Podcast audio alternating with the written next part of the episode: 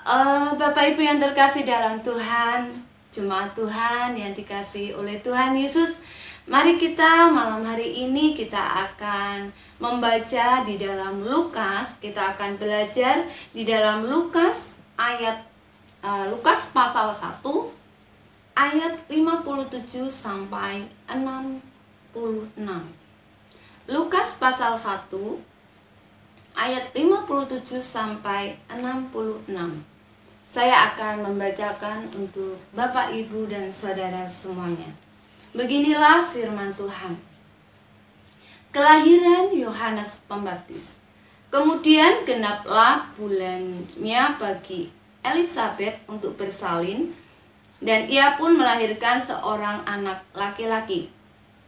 Ketika tetangga-tetangganya serta sanak saudaranya mendengar bahwa Tuhan telah menunjukkan rahmatnya yang begitu besar kepadanya, bersukacitalah mereka bersama-sama dengan dia. Maka datanglah mereka pada hari yang kedelapan untuk menyunatkan anak itu dan mereka hendak menamai dia Zakaria menurut nama bapaknya. Tetapi ibunya berkata, "Jangan, ia harus dinamai Yohanes." Karena maaf, kata mereka kepadanya, "Tidak ada di antara sanak saudaramu yang bernama demikian."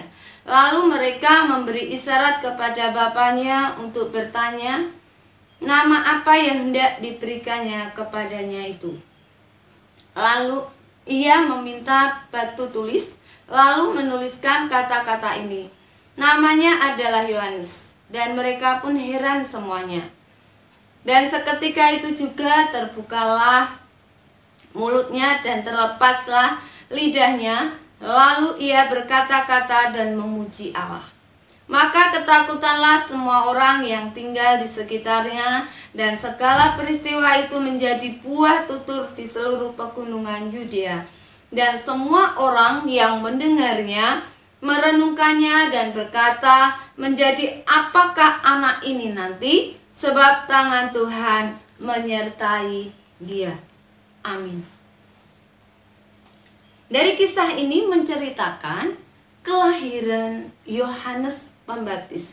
Bagaimana orang tuanya memberi nama Yohanes. Padahal dikatakan tadi di ayat yang ke-61 di antara saudara, sanak saudara mereka tidak ada nama yang seperti itu. Aneh kalau Zakaria ini memberi nama Yohanes.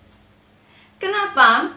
Uh, kita harus tahu budaya yang saat ini dipegang oleh masyarakat Timur Tengah mereka masih memegang budaya atau adat istiadat di mana mereka memberi nama anak-anaknya itu dari nama-nama bapak, nama uh, orang yang sekerabat dengan dia ya. Seperti contohnya di sini Abdullah ya. Abdullah, Raja Abdullah Raja Abdullah ini kemudian punya anak. Anaknya di, uh, diberi nama Abdullah uh, Hussein. Diberi nama Hussein. Nah Hussein ini punya anak. Diberi nama Abdullah dari kakeknya ya. Abdullah. Abdullah kedua untuk membedakan dari kakeknya. Abdullah kedua ini punya anak lagi. Diberi nama Hussein dari kakeknya. Jadi nama itu hanya dibolak balik bolak balik kita bisa bayangkan kalau nama itu hanya dibolak bolak balik bolak balik ada nama berapa nama nanti? Ada nama Christine ada nama uh, yang lain. Hanya bolak balik bolak balik itulah adat budaya Timur Tengah yang mereka pegang. Nah Eh, Yohanes uh, Pembaptis. Rasanya aneh ya. Nama itu sangat sangat aneh karena tidak sesuai dengan nama-nama leluhur mereka. Tetapi dari ayat ini bisa kita ambil apa ya pelajaran dari kisah ini. Bagaimana Zakaria ini mempunyai keberanian ya dia mempunyai keberanian untuk apa? Kita tahu. Budaya ya. Banyak budaya. Di tempat kita di lingkungan kita pun kita masih pegang adat istiadat. Nah contohnya ini. Tilik kubur ya kita mendengar sering dengar ya masyarakat itu tilik kubur. Boleh nggak kita sebagai anak-anak uh, Tuhan tilik kubur? Boleh. Gak ada yang melarang boleh. Tapi satu yang nggak boleh. Mendoakan orang yang sudah meninggal itu yang nggak boleh. Jadi di kalangan masyarakat adat istiadat itu budaya itu bagus. Tapi ada yang ada yang uh, baik tapi tidak semua itu baik ya. Tentunya kita harus tahu dan bahkan kita ngerti budaya itu tidak sesuai dengan firman Tuhan. Beranikah kita menolak? Beranikah kita menolak adat itu seperti yang dilakukan oleh Zakaria. Dia memiliki satu keberanian. Kenapa? Karena Zakaria menuruti atau tunduk akan perintah Tuhan. Zakaria memberi nama Yohanes itu bukan sekehendaknya sendiri. Tapi atas apa?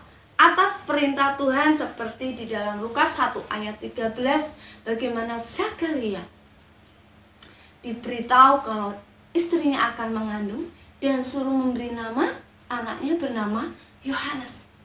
Zakaria ini tunduk akan perintah Tuhan. Itu pelajaran yang pertama kita ambil dari uh, ayat ini, dari kisah ini, yaitu tunduk kepada Allah.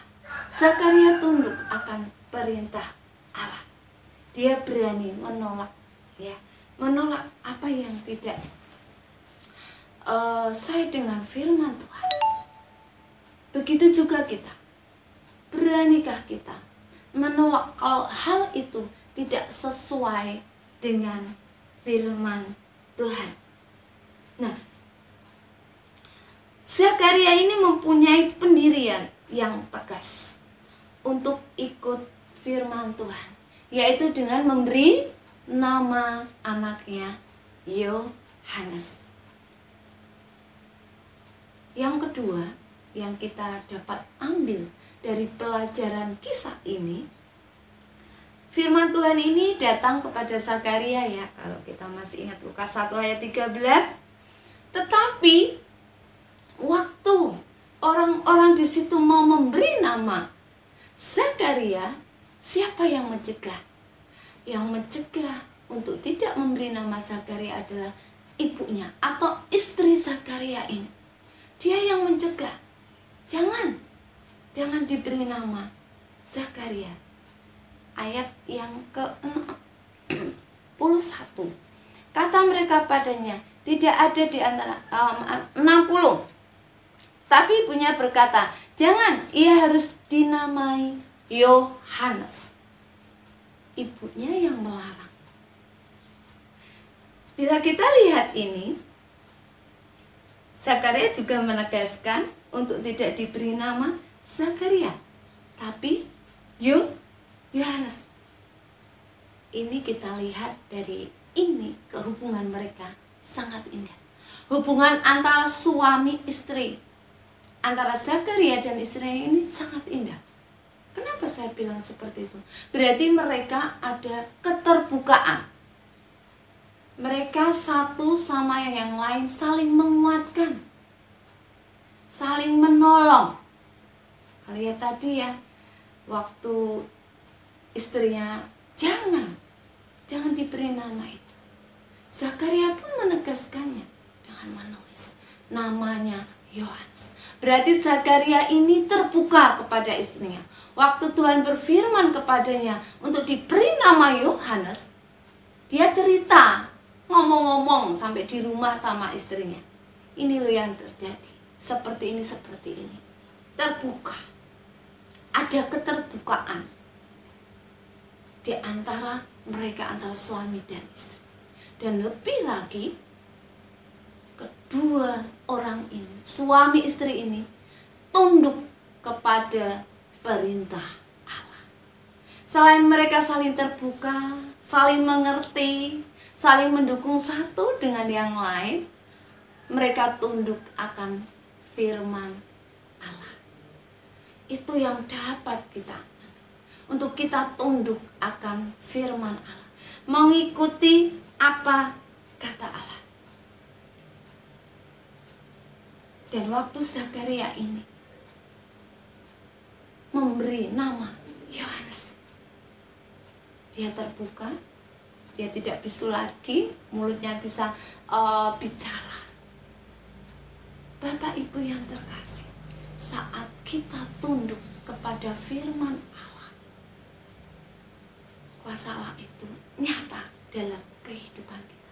Seperti dalam kehidupan keluarga ini. Tuhan mengaruniakan seorang anak.